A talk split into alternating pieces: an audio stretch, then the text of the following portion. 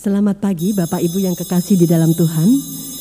Sebelum kita memulai ibadah kita pada pagi hari ini, kita akan bersama-sama berlatih lagu yang tadi sudah kita dengarkan, lagu bait yang pertama di bawah salib Yesus. Kita akan bersama-sama mencoba menyanyikannya supaya nanti ketika di dalam ibadah kita bisa menyanyikan dengan lebih segenap hati karena sudah menguasai lagunya. Di bawah salib Yesus.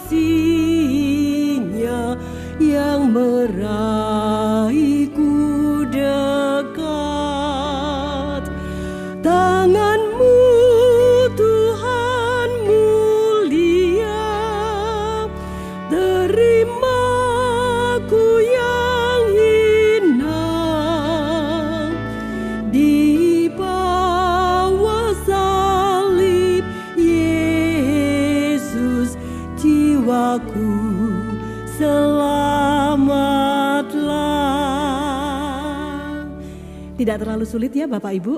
Kita akan coba menyanyikan bait pertama sampai bait yang ketiga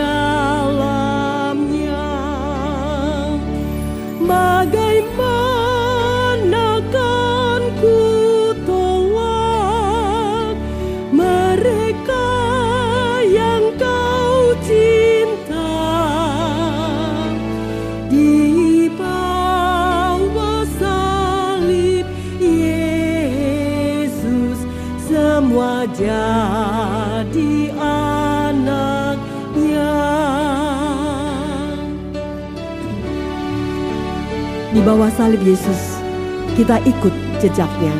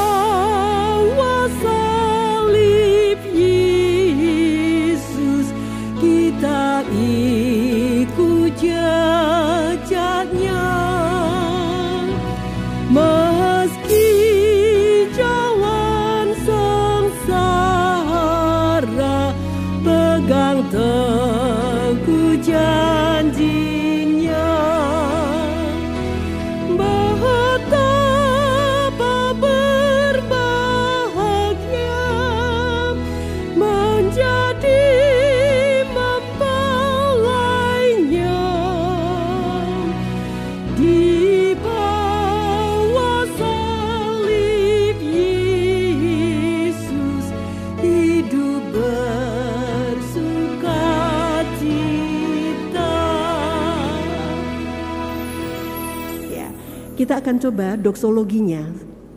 Kira-kira sekali dua kali begitu ya. Suci, suci, suci.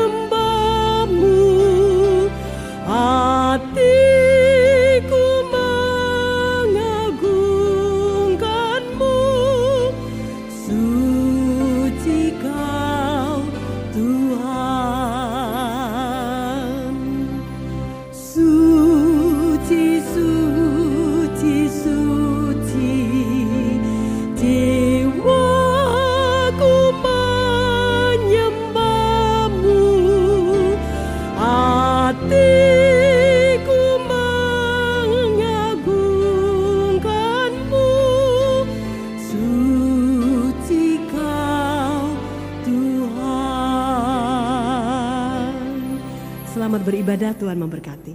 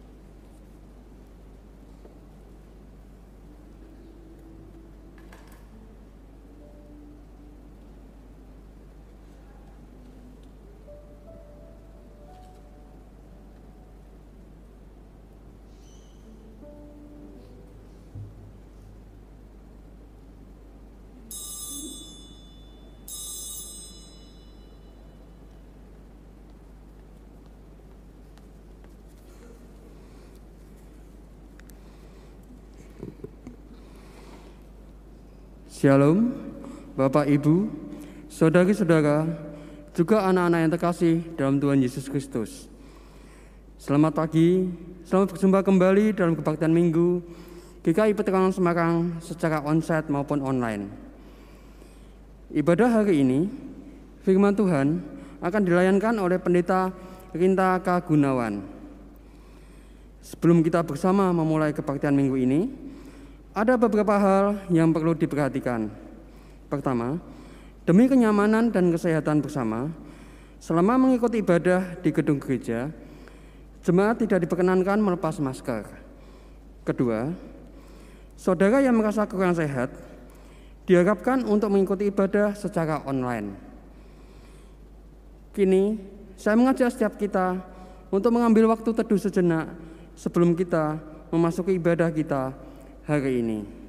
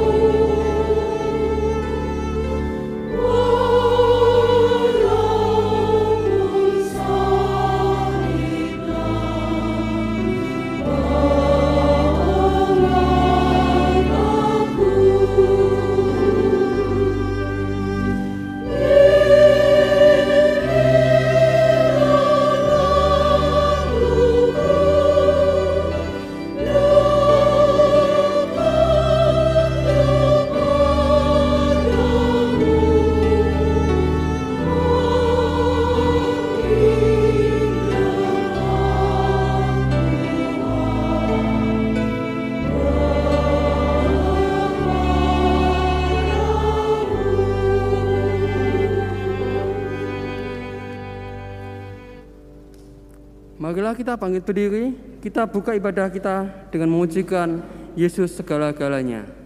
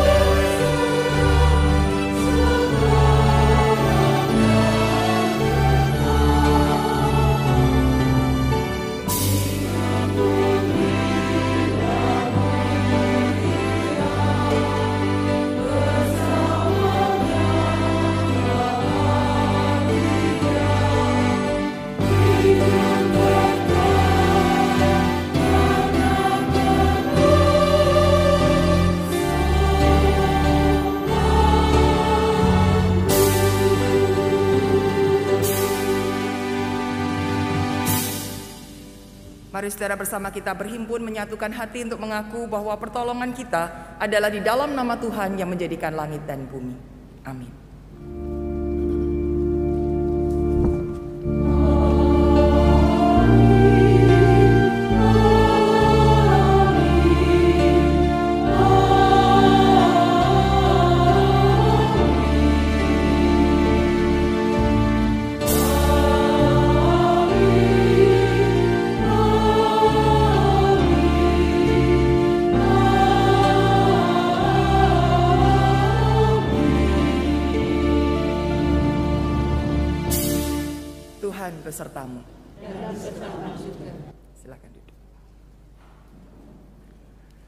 Selamat pagi Bapak Ibu Saudara yang terkasih dalam Tuhan Yesus Kristus. Hari ini kita memasuki Minggu Prapaskah yang kedua dan kita akan merenungkan sebuah tema kenali dan percayalah padanya. Ketika kita sudah mengenal Tuhan, ketika kita terus belajar mempercayainya, maka Tuhan juga memberikan sebuah tanggung jawab kepada kita Sebagaimana dikatakan di dalam Injil Yohanes 14 ayat 12, Aku berkata kepadamu, sesungguhnya barang siapa percaya kepadaku, ia akan melakukan juga pekerjaan-pekerjaan yang aku lakukan, bahkan pekerjaan-pekerjaan yang lebih besar daripada itu. Amin. Maka menjadi sebuah pertanyaan koreksi bagi diri kita masing-masing, adakah kita telah dengan sungguh-sungguh mengenali mempercayai Dia dan juga melakukan pekerjaan-pekerjaan yang Tuhan percayakan kepada kita. Mari kita memasuki doa pengakuan dosa dan saudara diberi kesempatan untuk mengaku dosa secara pribadi terlebih dahulu. Mari kita berdoa.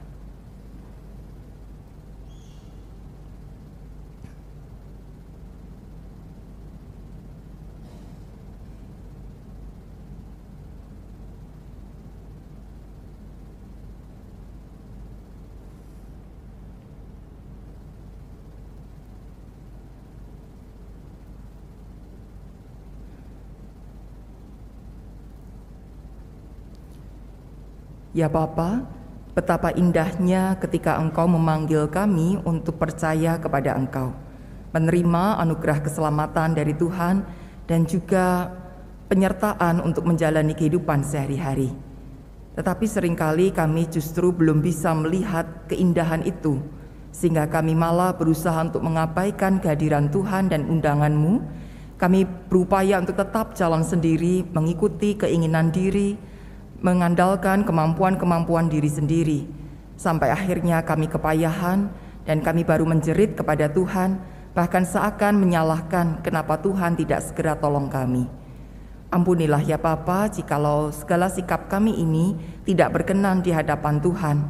Kalau kami belum sungguh-sungguh memahami akan arti mengikut Engkau, kami baru sekedar beragama, kami baru sekedar melakukan kewajiban-kewajiban agamawi, tetapi kami belum sungguh-sungguh menghayati kehadiran Kristus dalam kehidupan kami. Ampunilah kami dan tolonglah ya Bapa supaya kami boleh memperbaiki kehidupan iman percaya kami. Agar kami lebih lagi terarah kepada Tuhan. Agar kami boleh sungguh-sungguh berbakti memberi diri kepada Tuhan. Melakukan yang terbaik sebagai persembahan hidup kepada Engkau. Juga tolonglah kami ya Bapa untuk mengendalikan hawa nafsu duniawi kami sehingga kami lebih lagi mendengarkan suara Tuhan, apa yang Engkau kehendaki untuk kami kerjakan, apa yang menjadi rancangan-rancangan Tuhan dalam kehidupan kami. Ampuni pula ya Bapa, kalau karena kami kurang percaya, maka kami juga belum sungguh-sungguh melakukan pekerjaan-pekerjaan Tuhan. Kehadiran kami di dunia ini belum sungguh-sungguh menjadi saluran berkat bagi banyak orang. Kehadiran kami belum sungguh dirasakan sebagai buah-buah yang manis yang mempermuliakan nama Tuhan dan yang menunjukkan kasih kepada sesama. Ampunilah kalau kami masih hidup bagi diri kami sendiri. Dan biarlah ya Bapa melalui ibadah pada hari ini kami kembali diingatkan dan kami kembali ditegur untuk menjadi serupa dengan Kristus dan kami mau menjalani kehidupan yang taat kepada Tuhan, hormat dan mempermuliakan namamu. Terima kasih kalau Engkau berkenan menyucikan kami dan mengampuni dosa-dosa kami.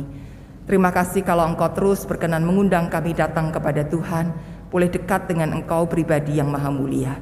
Dan biarlah dengan pengampunan yang Engkau berikan, kami mengalami kelegaan, hidup kami sukacita, dan ibadah ini pun kami jalani dengan penuh rasa syukur. Terima kasih ya Bapa, kami serahkan seluruh pengakuan dosa ini di dalam nama Tuhan Yesus Kristus. Amin. thank you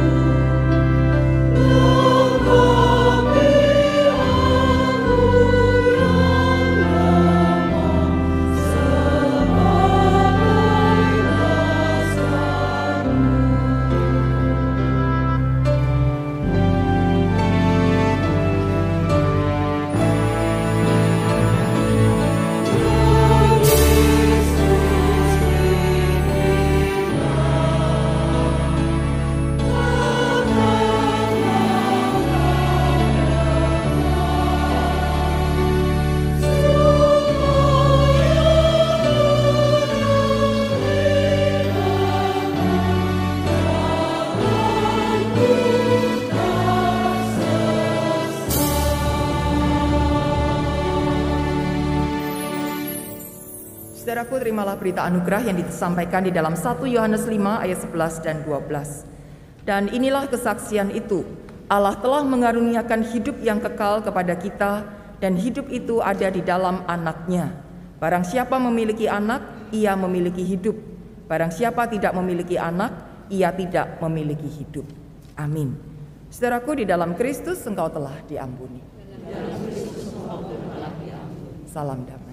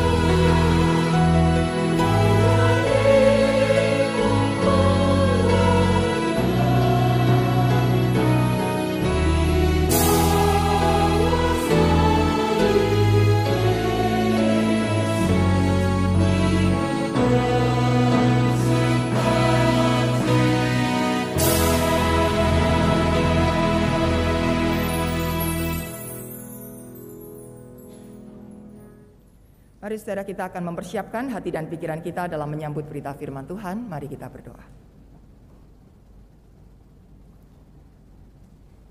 Persiapkanlah hati kami ya Bapa, supaya kami sungguh-sungguh memberi diri, membaca, mendengarkan, merenungkan dan menghayati setiap berita firman Tuhan.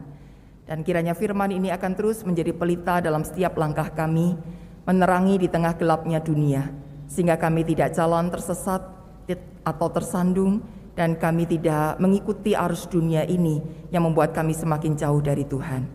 Biarlah kami juga senantiasa merasakan sukacita dan syukur ketika Tuhan berkenan berbicara kepada kami, masih terus mau menyapa kami dengan hangat dan menolong kami untuk bertambah teguh di dalam iman kepada Tuhan dan juga bertambah eh, kasihnya kepada Tuhan maupun kepada sesama. Terima kasih Papa untuk saat pagi hari ini dan biarlah Engkau yang teduhkan kami untuk sungguh-sungguh mendengarkan firman Tuhan. Di dalam nama Tuhan Yesus Kristus kami berdoa. Amin.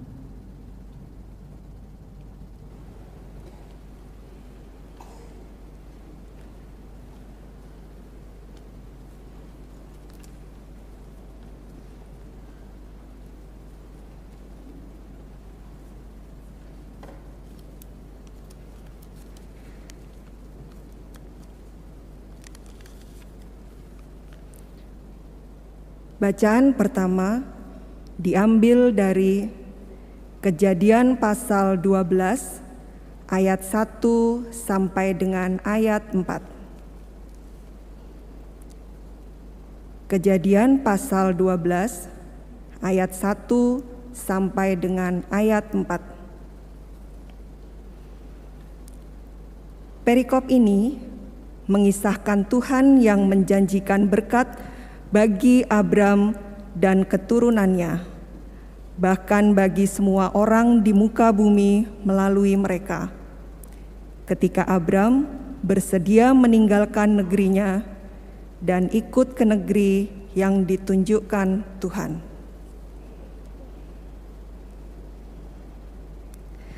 Beginilah firman Tuhan. Berfirmanlah Tuhan kepada Abram, Pergilah dari negerimu dan dari sanak saudaramu dan dari rumah bapamu ini ke negeri yang akan kutunjukkan kepadamu. Aku akan membuat engkau menjadi bangsa yang besar dan memberkati engkau serta membuat namamu masyur dan engkau akan menjadi berkat. Aku akan memberkati orang-orang yang memberkati engkau dan mengutuk orang-orang yang mengutuk engkau. Dan olehmu semua kaum di muka bumi akan mendapat berkat. Lalu pergilah Abram seperti yang difirmankan Tuhan kepadanya, dan Lot pun ikut bersama-sama dengan dia. Abram berumur 75 tahun ketika ia berangkat dari Haran. Demikianlah firman Tuhan.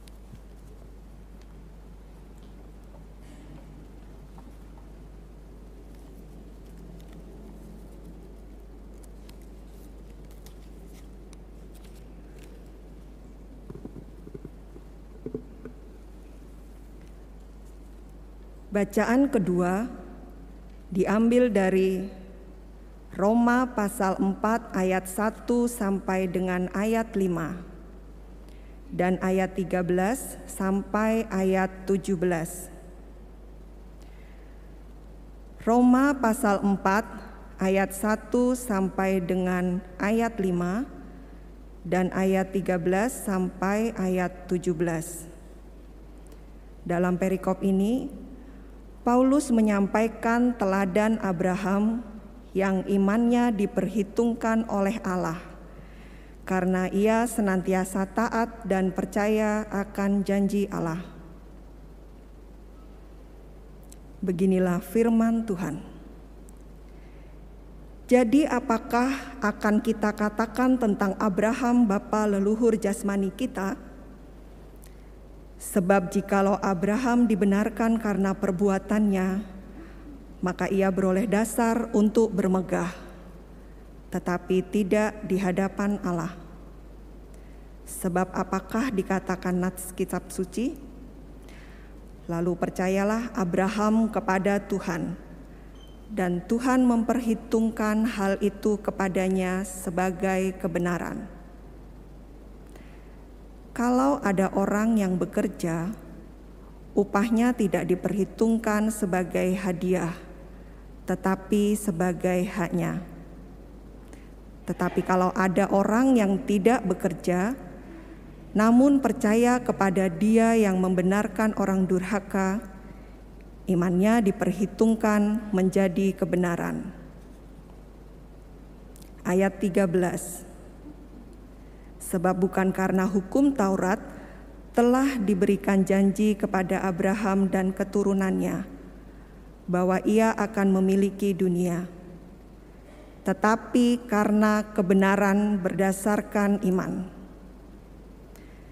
Sebab jika mereka yang mengharapkannya dari hukum Taurat menerima bagian yang dijanjikan Allah, maka sia-sialah iman dan batalah janji itu. Karena hukum Taurat membangkitkan murka, tetapi di mana tidak ada hukum Taurat, di situ tidak ada juga pelanggaran. Karena itulah kebenaran berdasarkan iman, supaya merupakan kasih karunia, sehingga janji itu berlaku bagi semua keturunan Abraham. Bukan hanya bagi mereka yang hidup dari hukum Taurat, tetapi juga bagi mereka yang hidup dari iman Abraham. Sebab Abraham adalah bapa kita semua. Seperti ada tertulis, Engkau telah kutetapkan menjadi bapa banyak bangsa di hadapan Allah yang kepadanya ia percaya, yaitu Allah yang menghidupkan orang mati dan yang menjadikan dengan firman-Nya apa yang tidak ada menjadi ada. Demikianlah firman Tuhan.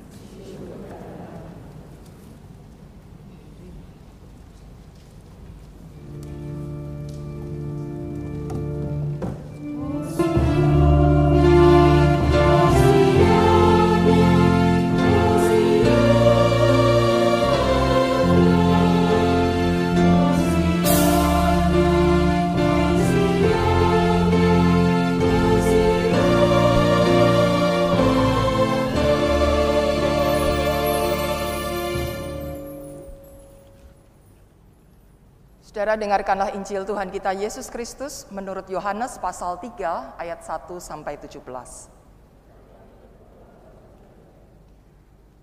Adalah seorang Farisi yang bernama Nikodemus, seorang pemimpin agama Yahudi. Ia datang pada waktu malam kepada Yesus dan berkata, "Rabi, kami tahu bahwa engkau datang sebagai guru yang diutus Allah. Sebab tidak ada seorang pun yang dapat mengadakan tanda-tanda yang engkau adakan itu jika Allah tidak menyertainya.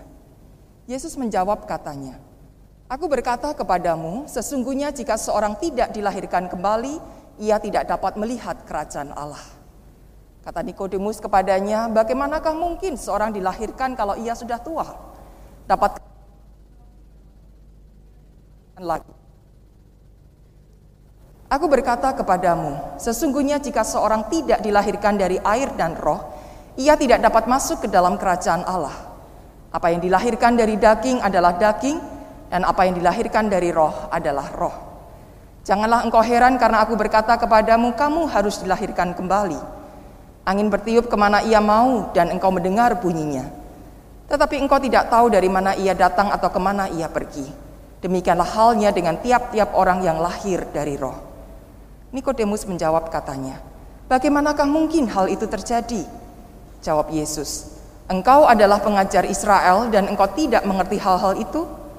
Aku berkata kepadamu, sesungguhnya kami berkata-kata tentang apa yang kami ketahui dan kami bersaksi lihat, tetapi kami tidak menerima tetapi kamu tidak menerima kesaksian kami. Kamu tidak percaya waktu aku berkata-kata dengan kamu tentang hal-hal duniawi.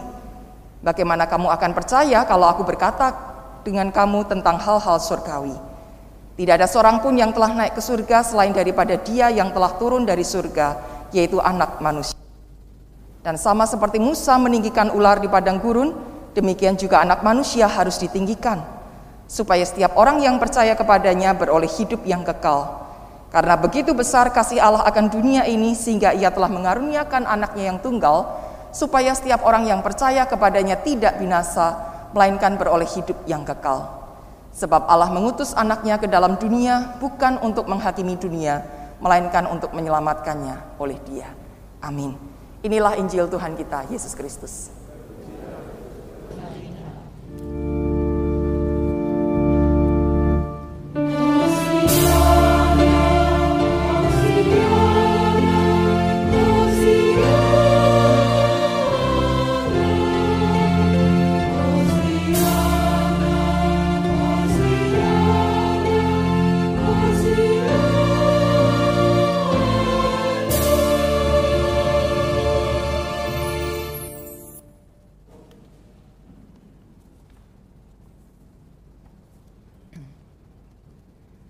Ya, saudara, tema kita adalah kenali dan percayalah kepadanya.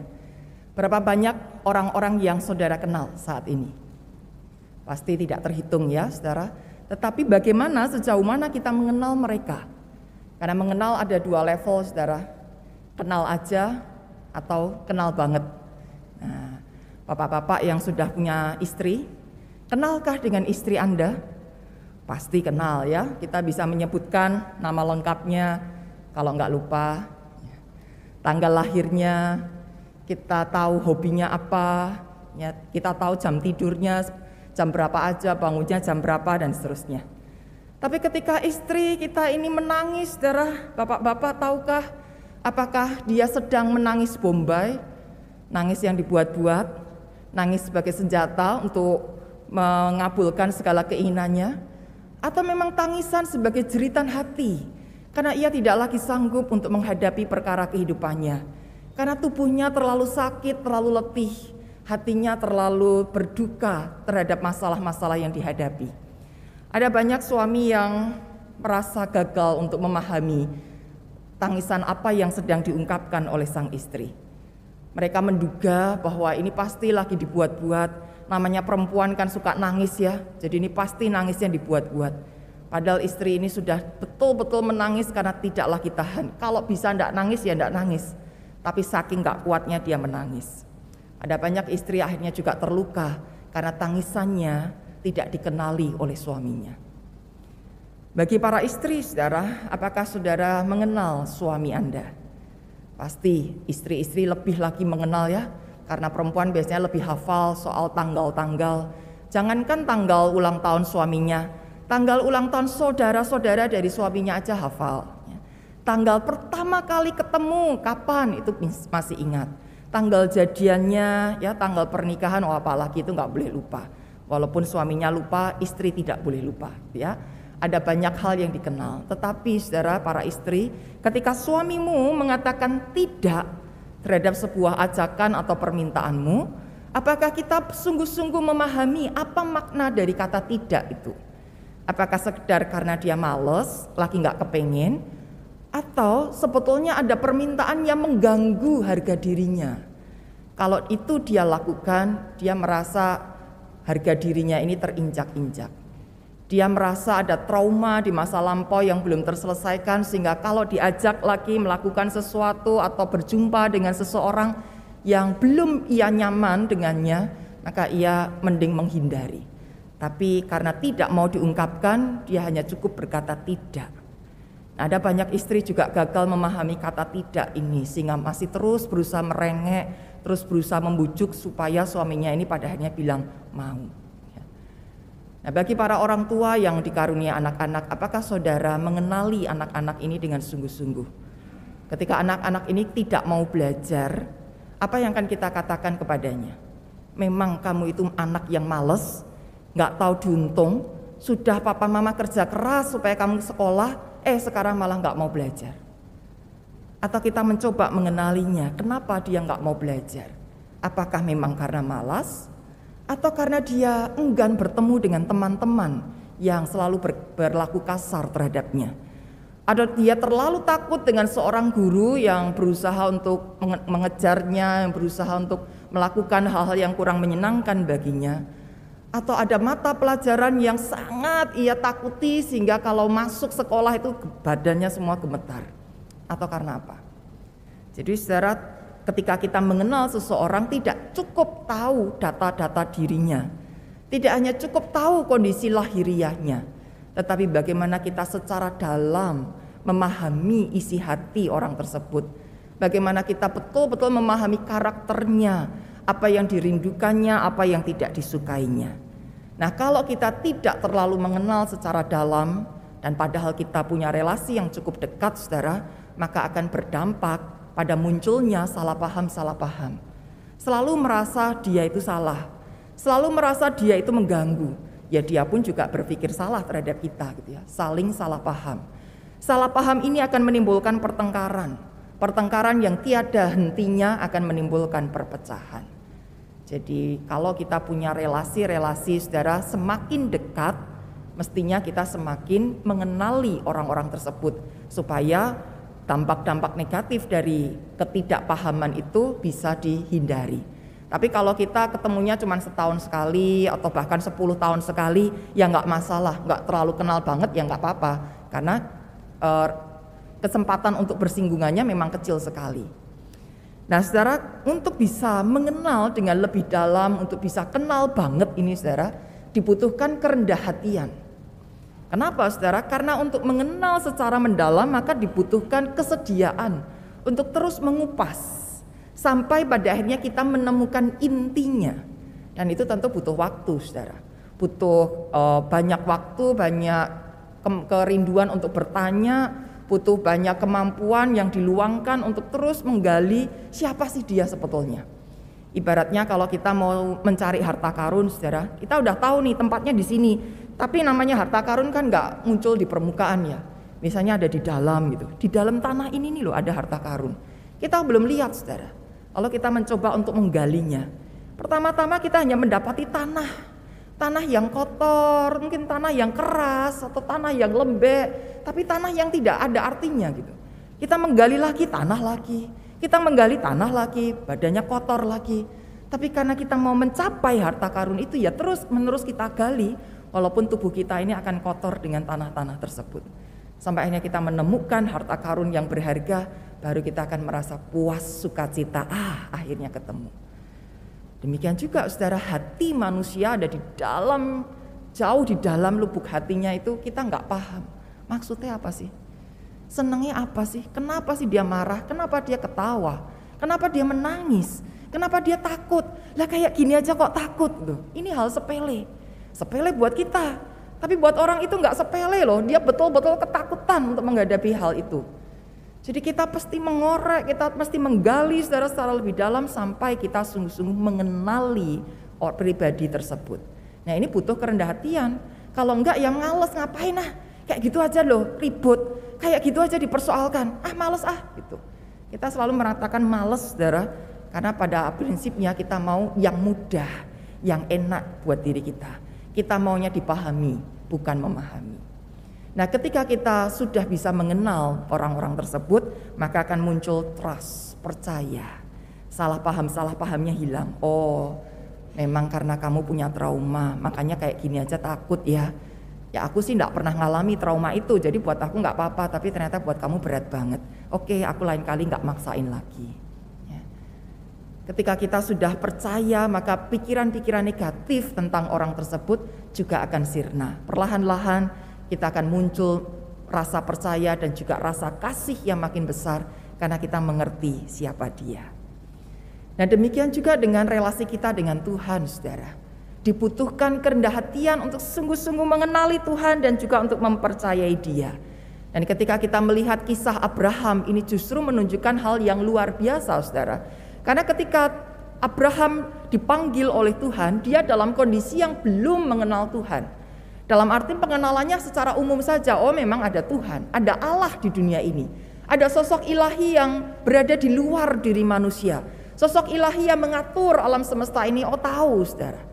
Tetapi perjumpaan secara pribadi, eh, pembicaraan-pembicaraan secara pribadi, maksud Tuhan secara pribadi belum tahu.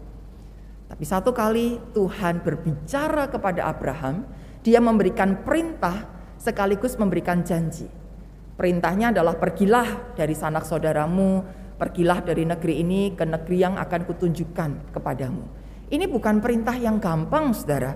Bagaimana mungkin harus meninggalkan sanak famili dan menuju suatu tempat yang belum tahu tempatnya ada di mana. Tetapi selain perintah itu, saudara Tuhan juga memberikan janji. Aku akan membuat engkau menjadi bangsa yang besar. Aku akan memberkati engkau. Aku akan membuat namamu masyur. Aku akan menjadikan engkau berkat bagi seluruh bangsa di muka bumi ini. Janjinya ini ya luar biasa. Tapi nggak masuk akal Bagaimana mungkin Abraham yang tidak punya anak di usia setua itu akan menjadi bangsa yang besar? Bukankah sebuah bangsa itu uh, muncul dari kelahiran anak-anak? Lalu Abraham akan dibuat namanya masyur. Nah, emang Abraham itu mau ngapain? Ya dia sih bukan orang kecil-kecil amat ya. Dia punya uh, keluarga, sanak famili, punya harta benda, punya uh, karyawan-karyawan begitu ya, orang-orang uh, yang pegawai-pegawainya begitu punya juga sih.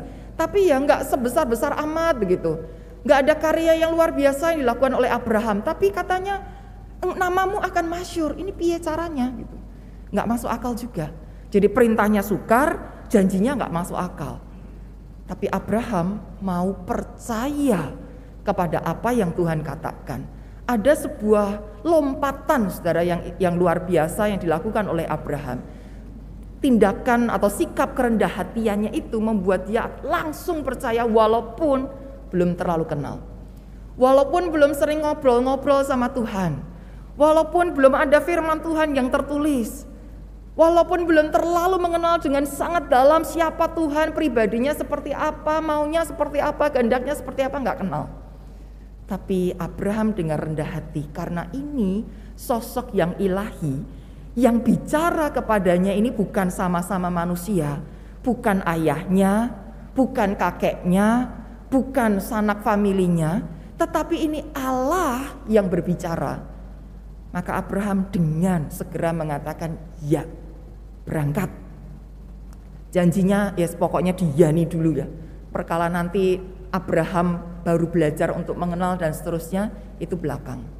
Tapi dia yakin dan percaya ketika pribadi ilahi ini yang berbicara kepadanya, yang memerintahkannya berbuat sesuatu dan memberikan janji-janji yang luar biasa, maka Abraham percaya semuanya itu ya dan amin. Abraham percaya dan itu melahirkan juga ketaatannya untuk memenuhi apa yang Tuhan perintahkan. Baru setelah itu Abraham belajar untuk mengenal apa maksud Tuhan memang tidak mudah saudara. Di awal seolah-olah Abraham langsung ya gitu ya, langsung berangkat. Tapi kalau kita baca kisah-kisah selanjutnya muncul juga pergumulan-pergumulan Abraham. Bagaimana ketidakmengertiannya, bagaimana kebosanannya untuk menanti janji Tuhan, katanya dijadikan bangsa yang besar, setahun, lima tahun, sepuluh tahun, kok belum juga nongol anaknya, sampai akhirnya dia usia 100 tahun, baru anak itu dihadirkan dalam keluarga Abraham dan Sarah. Tapi awalnya saudara pertama-tama Abraham menyerahkan diri untuk percaya kepada Allah. Bukan sekedar rendah hati, tetapi Abraham juga memiliki sikap penyerahan diri. Menyerahkan diri untuk dipimpin oleh Tuhan ke negeri yang tidak dia ketahui. Menyerahkan diri untuk hidup dalam janji manisnya Tuhan. Janji abadinya Tuhan yang akan membuatnya menjadi besar dan tentu itu berarti janji penyertaan. Nah Bapak Ibu saudara itulah kenapa Tuhan menyebut Abraham ini sebagai bapa orang percaya atau bapa segala bangsa. Dan dikatakan bahwa iman Abraham itu diperhitungkan sebagai kebenaran. Dalam Roma pasal 4 tadi dijelaskan ya, kalau kita ini kerja lalu kita terima upah, yaitu wajar. Karena kita sudah melakukan sesuatu dan kemudian kita terima sesuatu juga sebagai imbalan. Tapi kalau kita nggak berbuat apa-apa saudara, lalu kita menerima sesuatu itu namanya hadiah, anugerah. Nah Abraham tidak melakukan apa-apa. Ya, tidak tidak harus bekerja dulu, dia tidak lagi tidak harus melakukan kewajiban-kewajiban tertentu dulu, tetapi Tuhan mengatakan engkau ini orang benar. Engkau itu bapa segala bangsa. Kenapa? Karena Abraham percaya. Jadi percayanya Abraham ini diperhitungkan sebagai kebenaran. Banyak orang berpikir kalau saya mau jadi orang benar, ya saya harus kerjakan ini, ini, ini, dan ini. Saya harus lakukan ini, ini, ini, ini, dan ini. Ada banyak ritual, ada banyak deretan-deretan aturan yang harus saya kerjakan dulu, harus saya dianggap orang benar. Tapi bagi Tuhan, saudara, bukan karena kita melakukan banyak hal, maka kita dipandang benar. Tapi pertama-tama ketika kita percaya, ketika kita bersedia dengan rendah hati menyerahkan hidup kita kepada Tuhan, Sang Ilahi yang maha mulia, yang maha kuasa, itulah kita disebut sebagai orang yang benar. Iman membuat kita dibenarkan. Nah, kenapa saudara Abraham bisa sangat percaya kepada Tuhan? Kita baca selanjutnya, saudara. Kalau tadi kita baca sampai ayat 17, nah ini ayat 19 sampai 22. Tapi saya ambilkan dari terjemahan baru yang kedua, saudara. Eh, di dalam versi yang baru ini maknanya sama, tetapi pengkalimatannya lebih efisien dan lebih mudah untuk dipahami. Saudara, saya akan bacakan demikian. Nah, saudara bisa membandingkan juga dengan Alkitab yang saudara punyai. Roma pasal 4 ayat 19 sampai 22. Imannya tidak menjadi lemah, walaupun ia menyadari bahwa tubuhnya sudah seperti mati, karena ia sudah berusia kira-kira 100 tahun dan bahwa rahim Sarah telah mati. Namun terhadap janji Allah ia tidak bimbang karena ketidakpercayaan. Malah ia diperkuat dalam imannya dan memuliakan Allah. Serta berkeyakinan penuh bahwa Allah berkuasa untuk melaksanakan apa yang telah ia janjikan. Itulah sebabnya hal itu diperhitungkan kepadanya sebagai kebenaran. Jadi Abraham sangat yakin bahwa Allah berkuasa melakukan apa yang telah dijanjikan. Itulah yang membuat Abraham percaya penuh kepada Tuhan. Walaupun janjinya terlihat aneh, terlihat sukar dimengerti, terlihat mustahil. Tapi Abraham percaya Allah itu pasti sanggup melakukan apa yang sudah dikatakan itu. Jadi dia ya sudah berserah aja. Disuruh pergi, ya pergi. Walaupun Abraham belum melihat negeri yang nanti akan dipimpin oleh Tuhan itu negeri yang seperti apa. Negeri yang memang lebih baik, daripada yang dia tinggali saat ini. Jadi memang itu berharga untuk diperjuangkan. Atau jangan-jangan malah negeri yang lebih suram.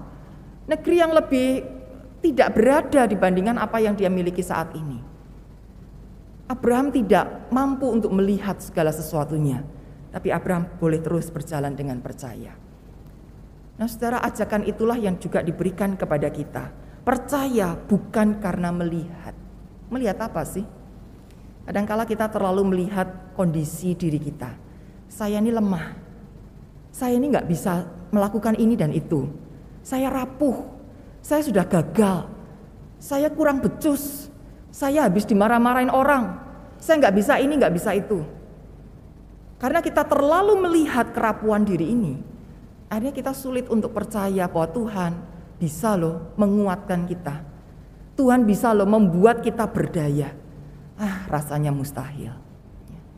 Ketika kita melihat semuanya jalan buntu, sudah minta tolong sini tidak ditolongi, ke situ dicuekin, ke sana didiemin ya.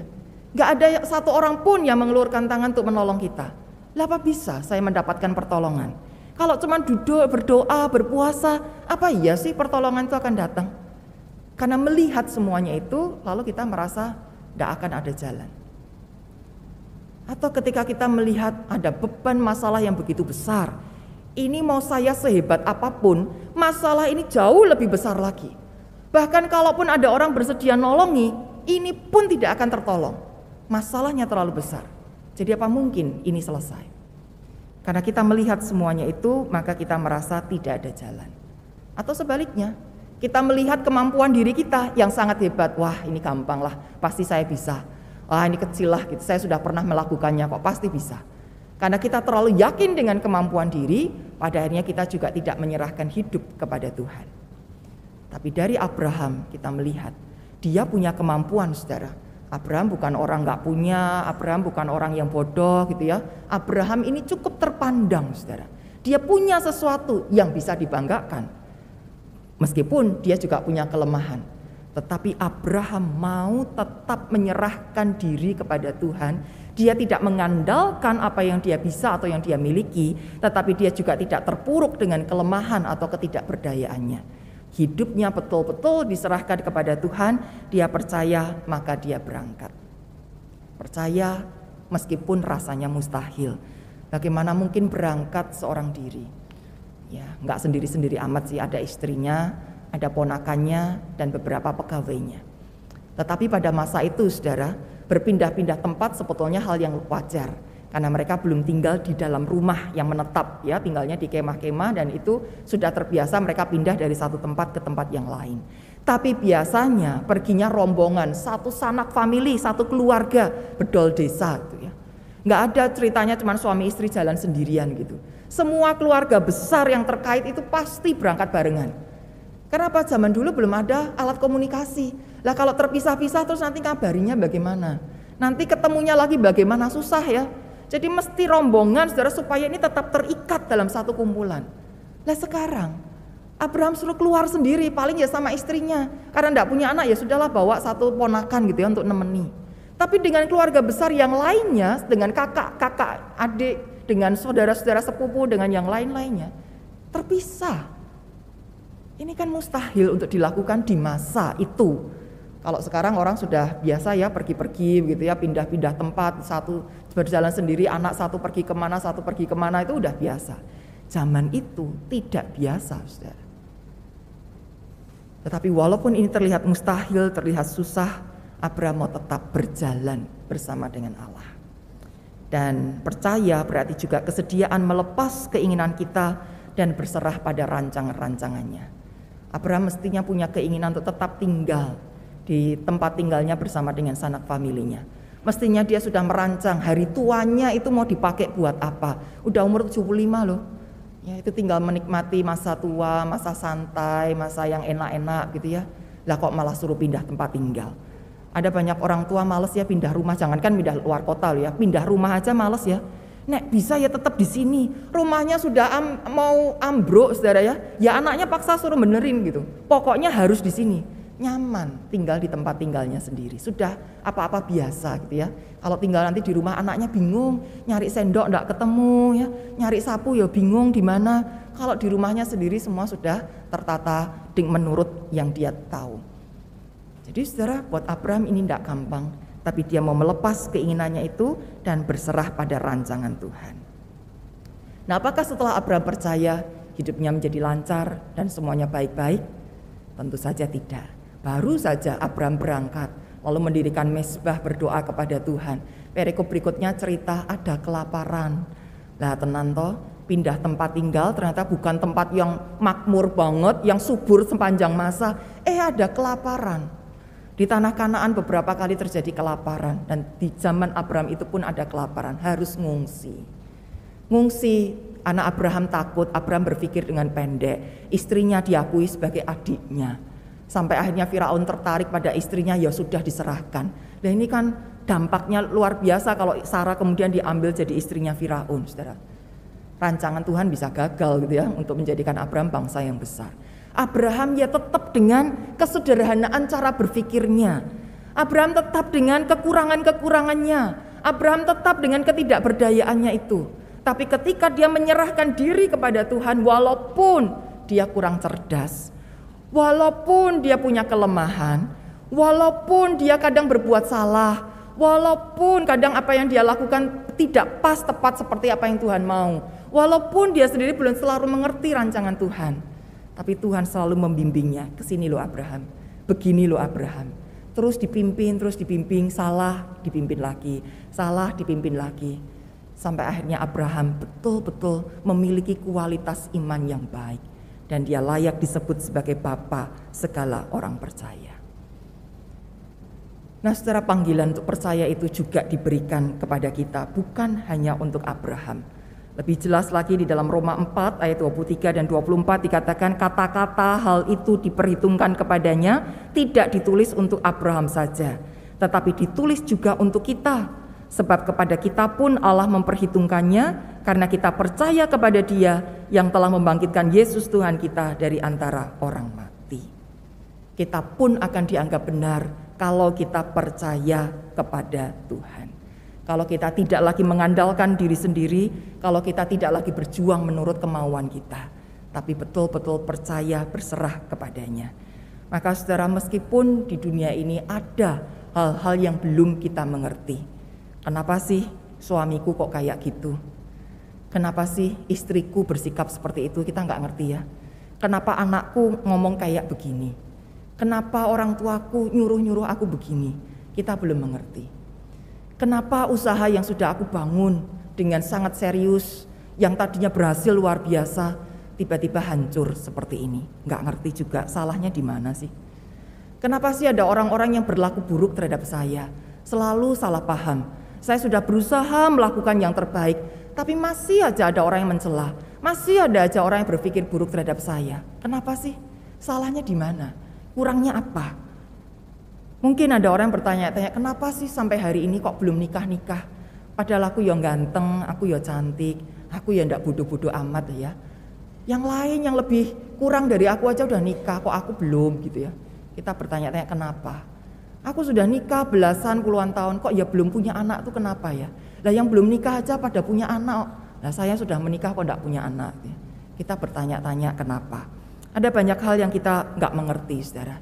Kita udah berlaku baik, tapi masih juga ditipu orang.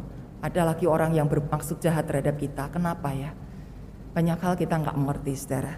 Tapi memang tidak harus semuanya dimengerti. Kemampuan berpikir kita ada batasnya dan oleh karena itu tidak semuanya juga harus kita mengerti. Yang penting bagaimana kita tunduk dengan rendah hati, tunduk kepada rancangan yang ilahi, menyerahkan hidup pada pimpinan Tuhan. Tidak ngerti ya tidak apa-apa. Yang penting satu persatu itu akan dituntun oleh Tuhan. Satu persatu diselesaikan oleh Tuhan. Satu persatu dikuatkan oleh Tuhan. Sehingga hidup kita bagaimanapun kondisinya, di masa seperti apa pun, kita akan tetap berdaya, kita akan tetap berdiri, kita akan tetap maju melangkah, karena Tuhanlah yang menyertai kita. Kadang kita belum bisa melihat rancangan Tuhan itu secara komplit. Kalau udah selesai baru kita nengok ke belakang baru tahu, oh begitu ya. Tapi ya nggak apa-apa, bukan berarti itu terlambat. Asalkan kita mau terus berjalan bersama dengannya. Asalkan kita mau dengan rendah hati menundukkan diri kepada Tuhan.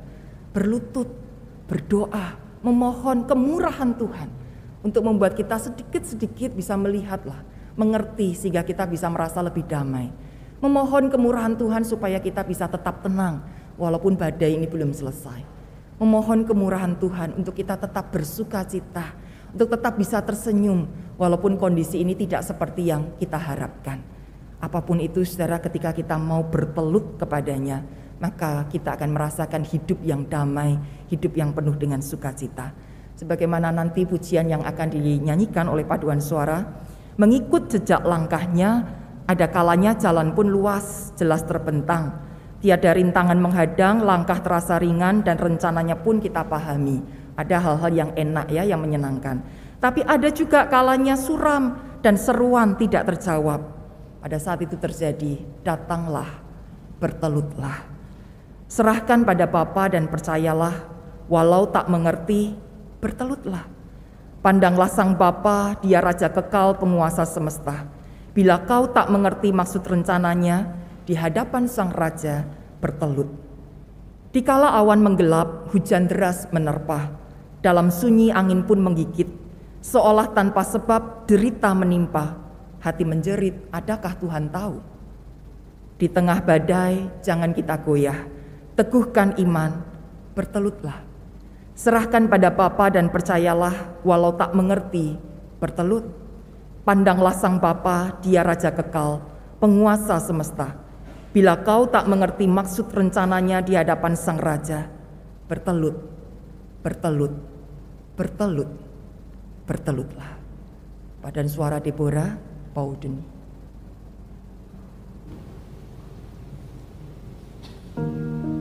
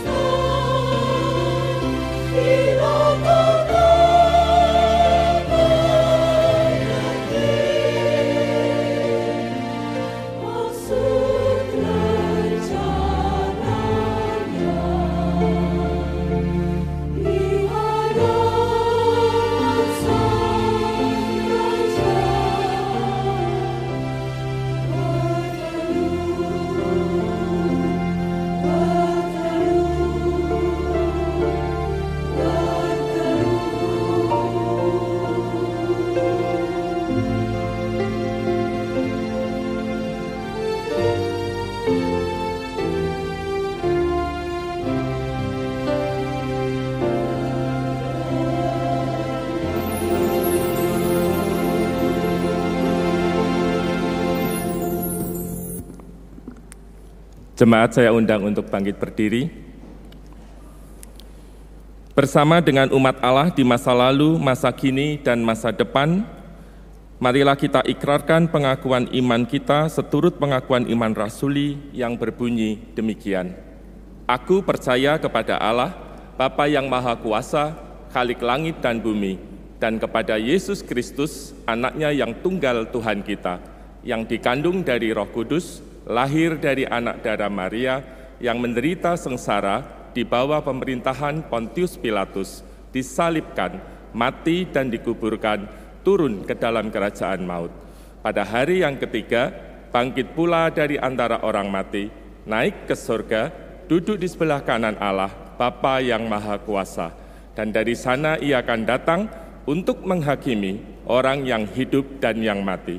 Aku percaya kepada Roh Kudus, gereja yang kudus dan am, persekutuan orang kudus, pengampunan dosa, kebangkitan orang mati, dan hidup yang kekal. Amin. Silakan duduk. Saudara, untuk makin menghayati panggilan kita sebagai pengikut Kristus, maka selama masa prapaskah hingga masa paskah, di setiap hari Kamis akan dilakukan persekutuan doa yang membahas tema-tema tentang murid-murid Kristus. Dari situ kita akan bisa belajar bagaimana sih menjadi murid Kristus. Kalau kondisinya begini, begitu juga harus bagaimana. Ya, setiap hari Kamis pukul setengah tujuh malam, kalau bentuknya malam puji doa akan dilakukan di tempat ini di ruang kebaktian. Kalau bentuknya ruang aman, maka diselenggarakan di ruang doa lantai tiga. Kita semua diundang untuk mengikutinya. Nah, saudara, sebagaimana diumumkan di minggu yang lalu bahwa nanti mulai kebaktian Pentakosta tanggal 28 Mei, kita akan menggunakan Alkitab yang versi terjemahan baru dua. Nanti setelah waktu pembacaan Alkitab, baik lektor maupun pendeta, dan kita semua akan membaca menggunakan yang versi terjemahan baru dua. Untuk itu jika Bapak Ibu Saudara mau mendapatkannya bisa membeli di Logos Saudara seperti ini atau memesannya terlebih dahulu kalau stoknya uh, kurang gitu ya nanti minggu depan akan datang lagi dan saudara bisa mendapatkannya dan saat sampai saat ini belum ada versi digitalnya dan kita juga nggak perlu cari-cari saudara kalau memang belum terbit. Kalau sudah ada gunakanlah versi yang asli dari LAI ya yang resmi dari LAI, jangan yang pakai versi bajakan karena kita perlu menghargai juga jerih payah saudara-saudara kita yang sudah meluangkan banyak waktu dan tenaganya serta kemampuannya untuk menerjemahkan Alkitab ini hingga sampai di tangan kita. Mari saudara kita akan memasukkan uh, doa-doa syafaat kita. Mari kita berdoa.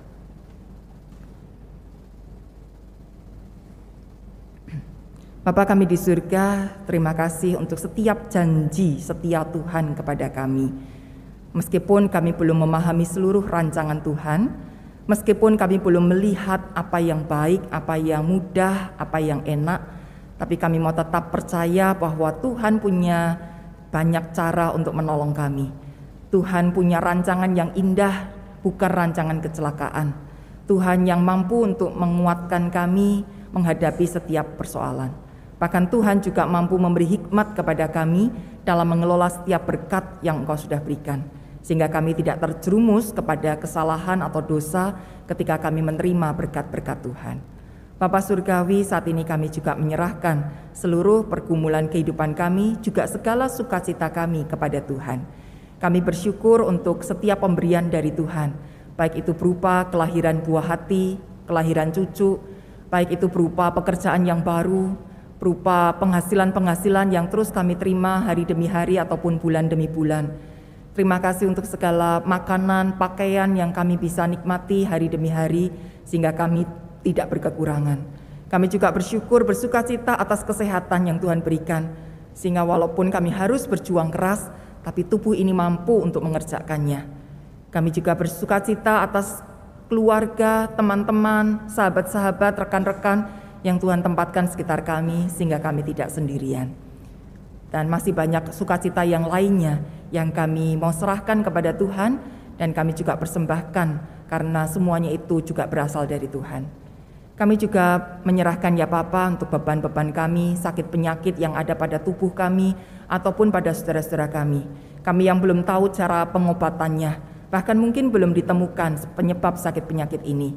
Tuhan Yesus kiranya Engkau berkenan menunjukkan yang terbaik bagi kami melalui para medis yang Engkau sudah percaya dengan hikmat untuk mem memiliki kemampuan dalam bidang kesehatan.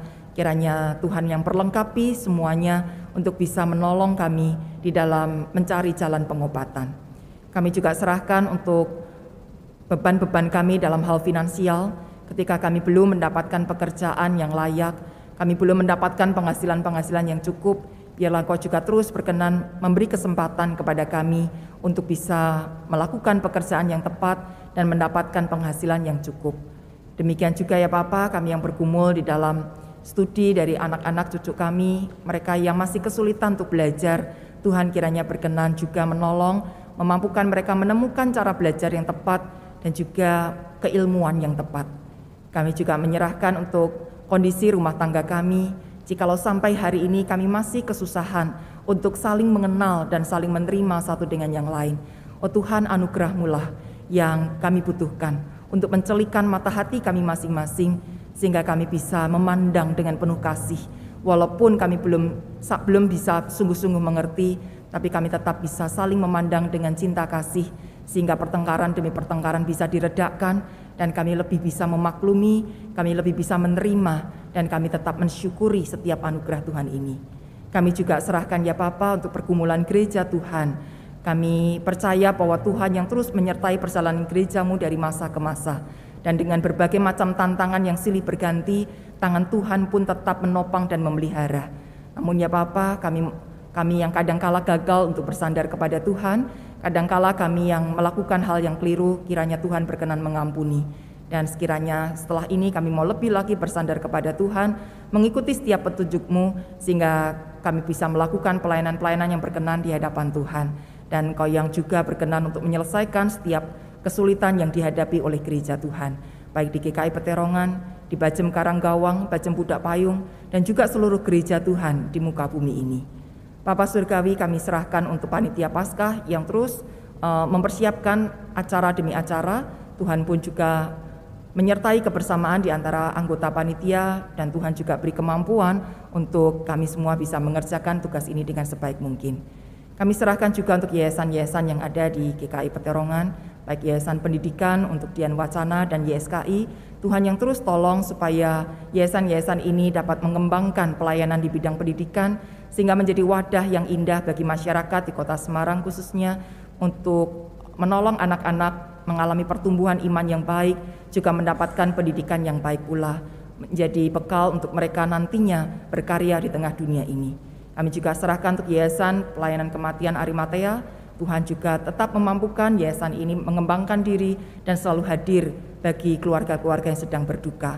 Demikian juga untuk Yayasan Kriya Kesehatan Indonesia Bethesda yang masih terus mempersiapkan untuk beroperasi kembali. Tuhan pun yang terus pimpin sehingga izin yang uh, diharapkan bisa segera selesai dan Poliklinik Bethesda dapat kembali melayani masyarakat dalam hal kesehatan. Kami serahkan juga ya Bapak untuk bangsa dan negara kami, Tuhan yang terus hadir dan pimpin untuk menolong pemimpin-pemimpin kami menyelesaikan berbagai persoalan yang ada dan terutama persiapan menjelang pemilu 2024 biarlah kondisinya tetap aman dan orang-orang yang uh, mencalonkan diri serta para pendukungnya pun tetap bisa melakukan bagiannya dengan positif, juga tetap menjaga keamanan di seluruh negeri ini dan boleh memberi diri yang terbaik untuk rakyat Indonesia. Terima kasih Bapak, kami serahkan seluruh doa syafaat ini dengan keyakinan teguh Tuhan yang mendengar dan Tuhan mengabulkan serta memberikan yang terbaik. Kami serahkan di dalam nama Tuhan Yesus Kristus yang mengajar kami berdoa. Oh.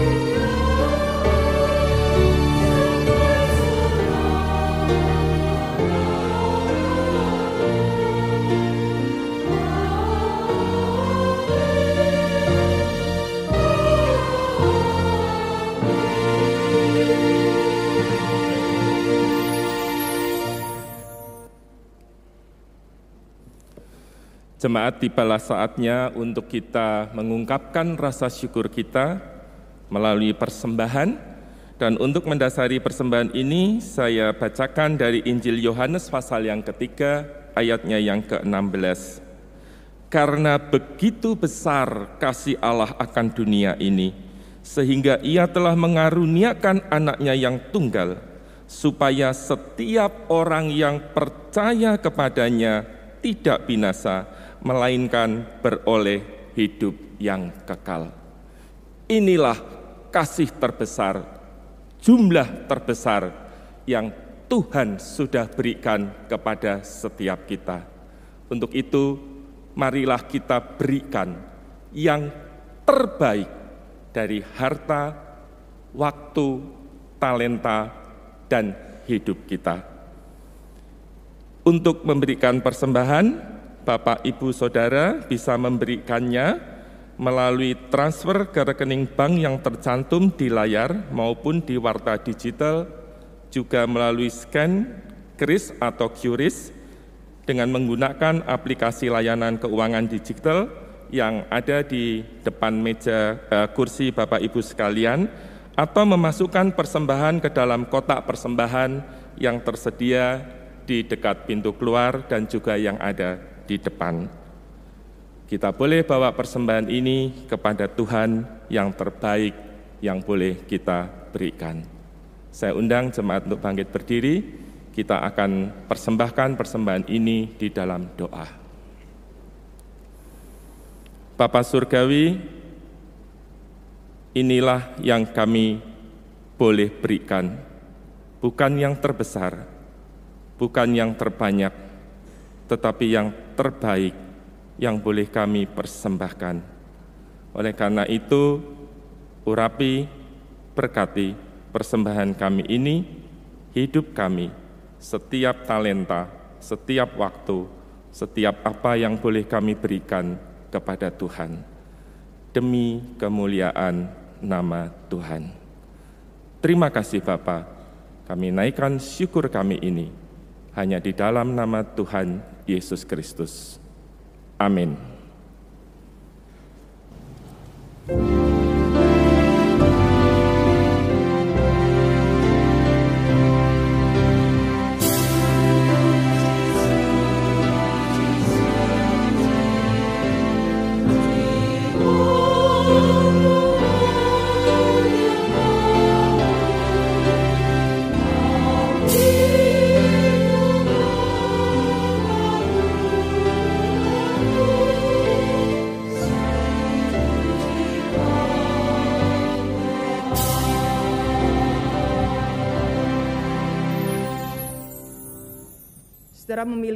percaya kepada Tuhan Yesus Kristus kadangkala tidak mudah.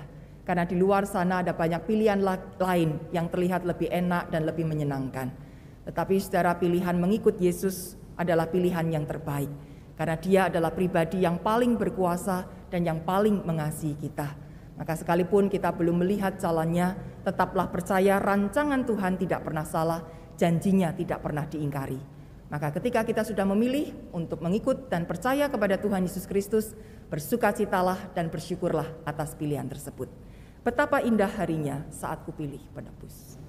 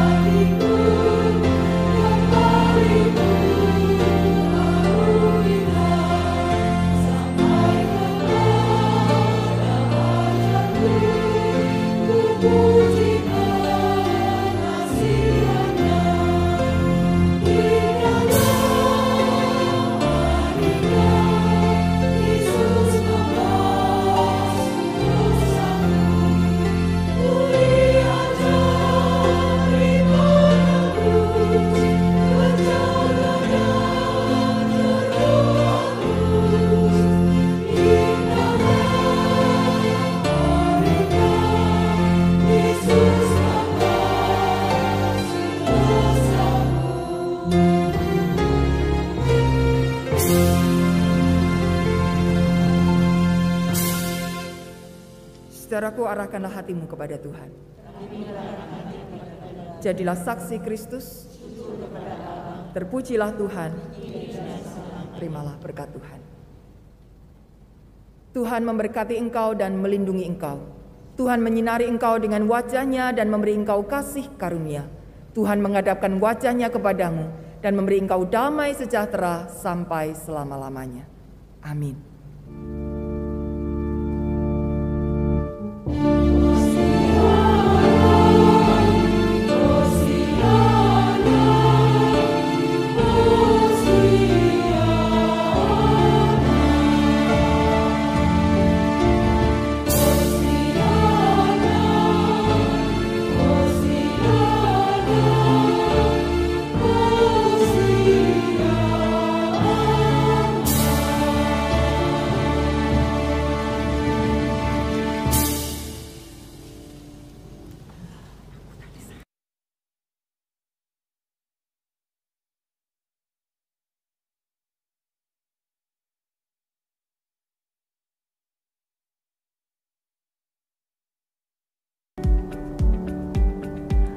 Mari hadiri rangkaian persekutuan Kamis di sepanjang masa raya Paskah dan Pentakosta tiap hari Kamis pukul 18.30 diawali dengan ramah tamah dan buka puasa bersama pada pukul 18.00. Pada Kamis ini, 9 Maret 2023 akan ada ruang aman dengan tema Matius bukan hanya fans. Kita akan berdoa bersama seraya berefleksi dari tema yang ditentukan, bertempat di ruang doa lantai tiga. Mari kita hadiri bersama.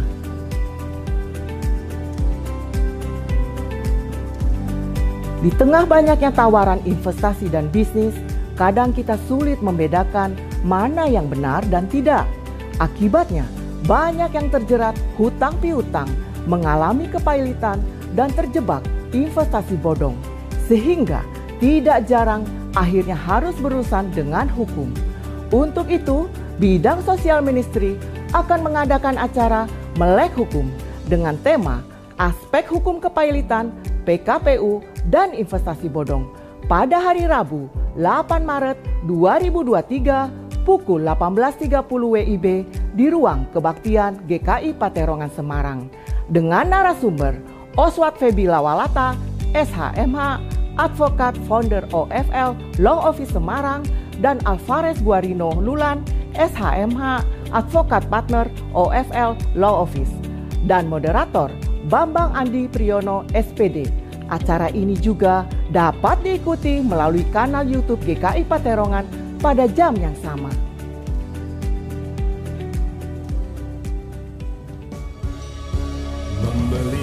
Yang baru dari kantin beri-beli pada hari Jumat 10 Maret dan Sabtu 11 Maret 2023 pukul 9.00 sampai 13.00 akan tersedia aneka kudapan lezat yang bisa disantap langsung di tempat. Atau saudara juga bisa memesannya terlebih dahulu paling lambat hari Kamis 9 Maret pukul 12.00 untuk diantarkan pada tanggal 10 atau 11 Maret. Untuk pemesanan, silakan menghubungi nomor WA beri beli di 0852 8277 5678. Berikut ini menu-menu yang tersedia.